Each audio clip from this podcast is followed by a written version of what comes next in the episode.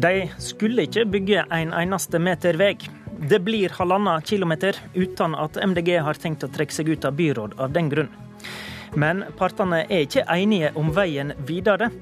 Kan E18 inn til Oslo bli vårt nye Lofoten og Vesterålen? Det spør vi om i Politisk kvarter, der vi også utfordrer Frp på hva de egentlig har tenkt å gjøre i asylinnstrammingssaka. Sikrer de et flertall i stortingskomiteen eller ikke?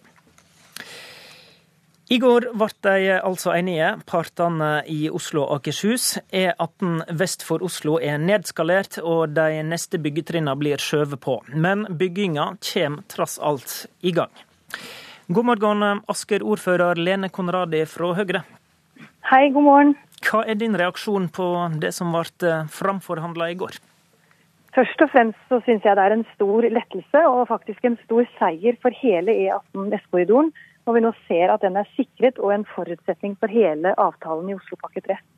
Så jeg er veldig lettet i dag, jeg. Så du, du kjenner deg altså trygg på dette med at E18 videre vestover fra de eh, halvannen kilometerne som eh, blir bygd først, kommer til å bli realisert en eller annen gang i framtida?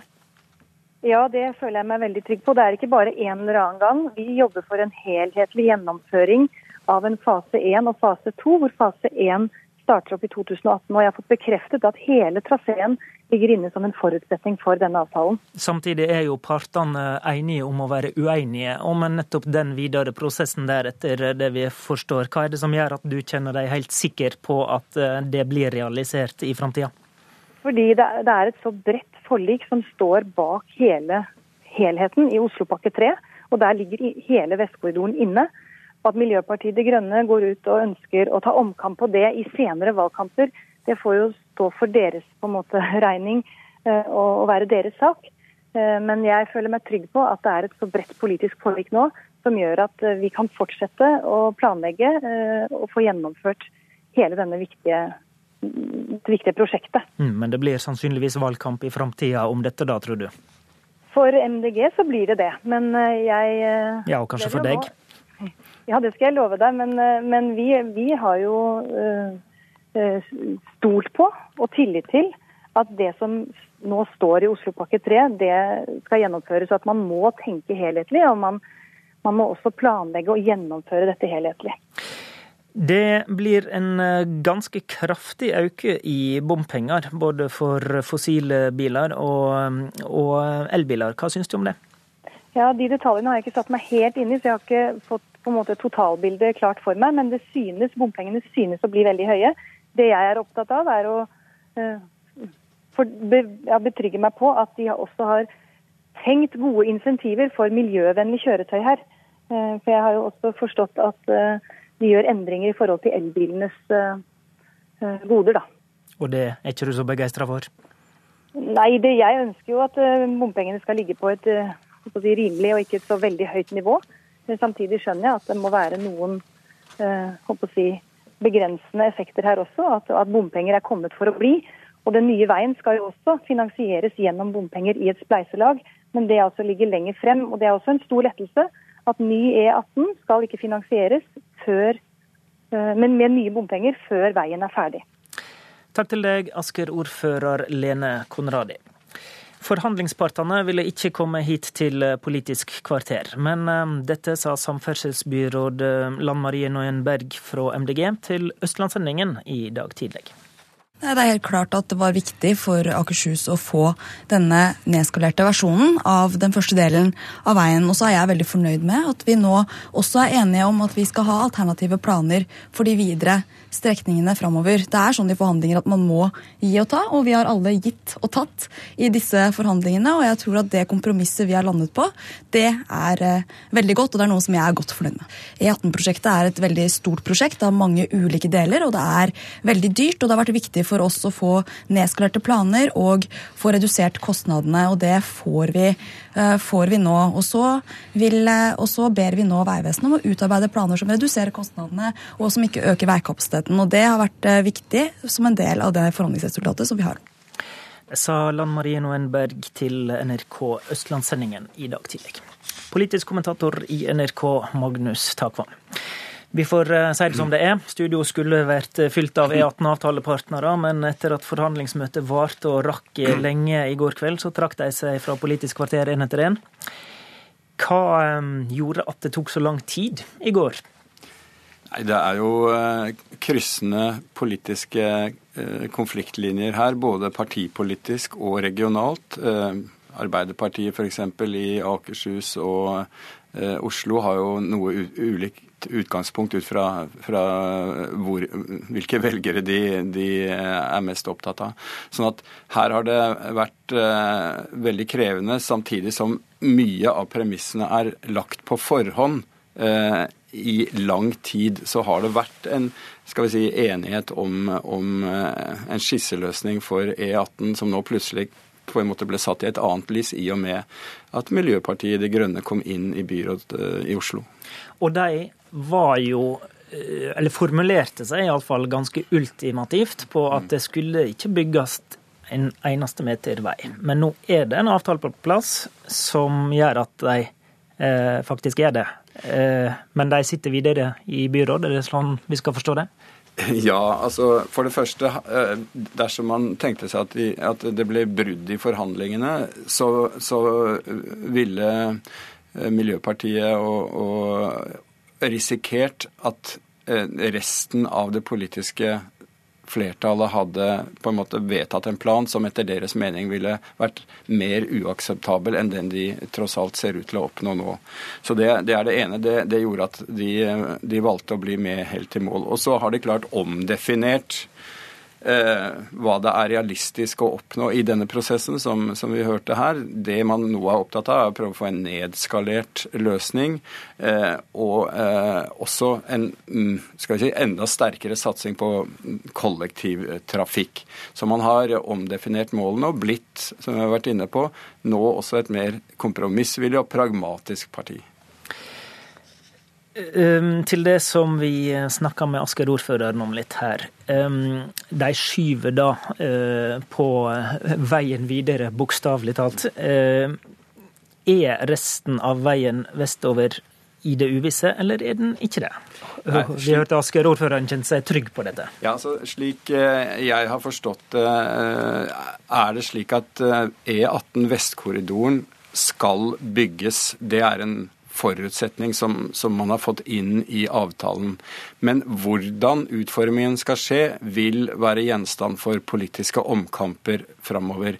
Man har da i denne omgang stoppet eh, E18, den første parsellen ved Strand ved, ved, Høvik, der det lå an til en nokså stor utbygging av en Høvik-tunnel videre utover mot Asker. Den definerer Miljøpartiet som skal vi si, uakseptabel for dem å gjennomføre. Eh, fordi de mener at den vil øke veikapasiteten og bil, bilmengden inn til Oslo. Slik at de har greid for så vidt å åpne og utsette den biten. Men det vil da eh, bli Det er ingen som har forpliktet seg til ikke å bygge den. Det kan godt hende den blir bygd, men det vil eh, måtte bli vedtatt etter en ny politisk kamp i neste runde. Og dette legges, da legges det jo opp til en politisk valgkampsak, for så vidt både i 2017 og selvfølgelig også i lokalvalget i 2019. Mm. Og her kommer sammenligninga med Lofoten og Vesterålen inn. Hvordan eh, er det jamførbart? Altså, Det kan på, på, mange måter, men det er klart eh, et trafikkprosjekt som dette er, er mer komplisert og består av mange mange mindre enheter som er litt vanskeligere å kommunisere. Det er ikke ja eller nei? Nei, men eh, kampen om miljøet og kampen om trafikk og kollektiv tror jeg vil bli sentralt også i disse valgkampene, helt opplagt.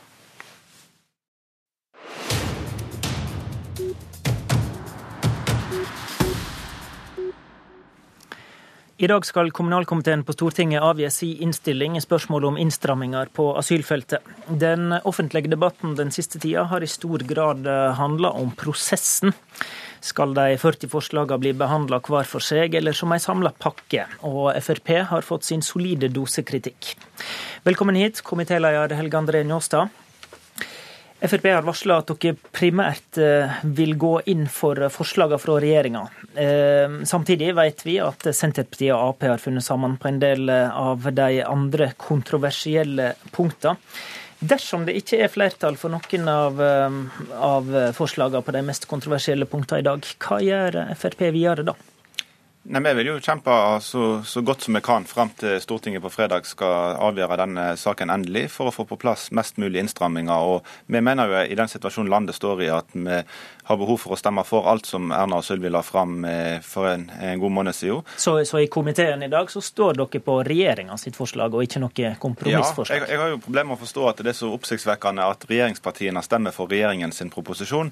Eh, men så er det klart at hvis den ikke får tilstrekkelig flertall, noe landet hadde trengt, eh, må vi kunne subsidiert stemme for andre ting som òg er innstrammende og som vil ha en effekt. For det viktigste for oss er faktisk å få på plass mest mulig innstramminger. Ok, Så du er klar til å stemme subsidiært, som det, som det heter, altså som et eh, andrevalg. Men det gjør du, dere ikke i komiteen i dag, men dere venter til Stortinget på fredag?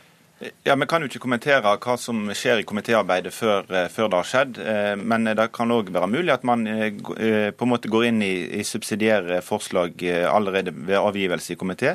Eller man kan i en sånn sak som dette på Stortinget fremme nye forslag, eller stemme for andre ting som også er innstrammende. For oss i Fremskrittspartiet er det viktigste å ha en streng innvandringspolitikk for å få kontroll over situasjonen. Og Derfor så vil vi alltid stemme for det som er mest innstrammende. Men øh, hvis dere er interessert i tross alt det nest beste, da. Hvorfor har ikke dere sørga for øh, å, å, inngå et forlik som å sikre det allerede nå? Eh, vi har jo hatt samtaler med mange, mange partier, men det har ikke vært vilje til å, å bli enige om, om, så mange innstramminger som, som, vi mener har vært nødvendig. Og Derfor så vil vi først stemme over det som Erna og Sølvi la fram, fordi vi mener det er, er det riktige for, for landet vårt. Eh, og så vil vi selvfølgelig diskutere subsidiære holdninger, eh, sånn at vi får til noe som er nest best. Eh, og så er det også viktig å si at selv om en del viktige forslag gjennom media ser ut til å falle, så vil det fremdeles bli en innstrammingspakke som bygger på forliket som ble gjort før desember. Så det vil bli strengere i Norge etter Stortinget har behandla denne saken enn før. Men vi skulle yngst for landet sin del at vi hadde gått enda lenger. Men du kan tenke deg å stemme på Ap og Senterpartiet sine forslag, da? Eh, vi skal vurdere helheten eh, når vi ser innstillingen, og så vurdere hva som kan være nest best i de tilfellene stortingsflertallet, eh, som var veldig opptatt av å være streng i desember, nå gjennom media sier at de på enkelte punkt ikke har lyst til å være fullt så streng. Så skal vi vurdere hva vi kan stemme for å sikre det strengest mulig på fredag, når Stortinget skal trykke ja og nei på knappen sin. For en eller annen innstramming stemmer Frp for? Vi stemmer for alt som er stramma inn med, eh, for det er viktig for landet. Er ikke det risikabelt å i verste fall vente helt til fredag når dette skjer i plenumssalen i Stortinget?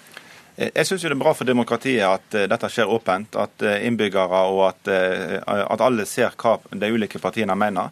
Det er jo det som skjer på bakrommet som Eh, som er uheldig for demokratiske prosesser, at man skal forhandle vekk eh, ting på bakrommet og så eh, lage en felles pakke, og så vet ingen hva de ulike partiene mener.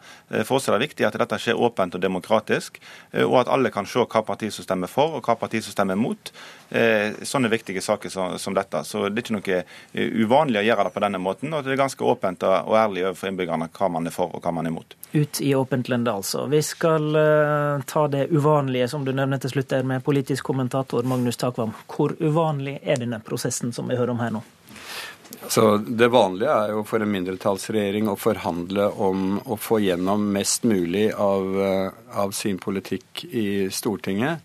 Og når jeg tror at eh, Venstre og KrF ikke vil bli med på, hvis det er det som er eh, forslaget her, et slags miniforlik av subsidiære standpunkter, Eh, så jeg tror ikke de vil gå med på det, fordi de vil også ha den samme retten som da Frp og Høyre har, om å stemme først på sine primære forslag. Men poenget er at hvis de går inn, hvis det skal være noe vits i et, et slikt forlik, så må de bindes opp til å, til å, støtte det. Ellers så kan de like godt oppnå flertall for en, en, mer liberal politikk med den andre siden i Stortinget. Så de krever likebehandling på den måten et miniforlik om subsidiære standpunkt. Det var et godt politisk kvarteruttrykk. Takk til begge to. I studio var Håvard Grønli.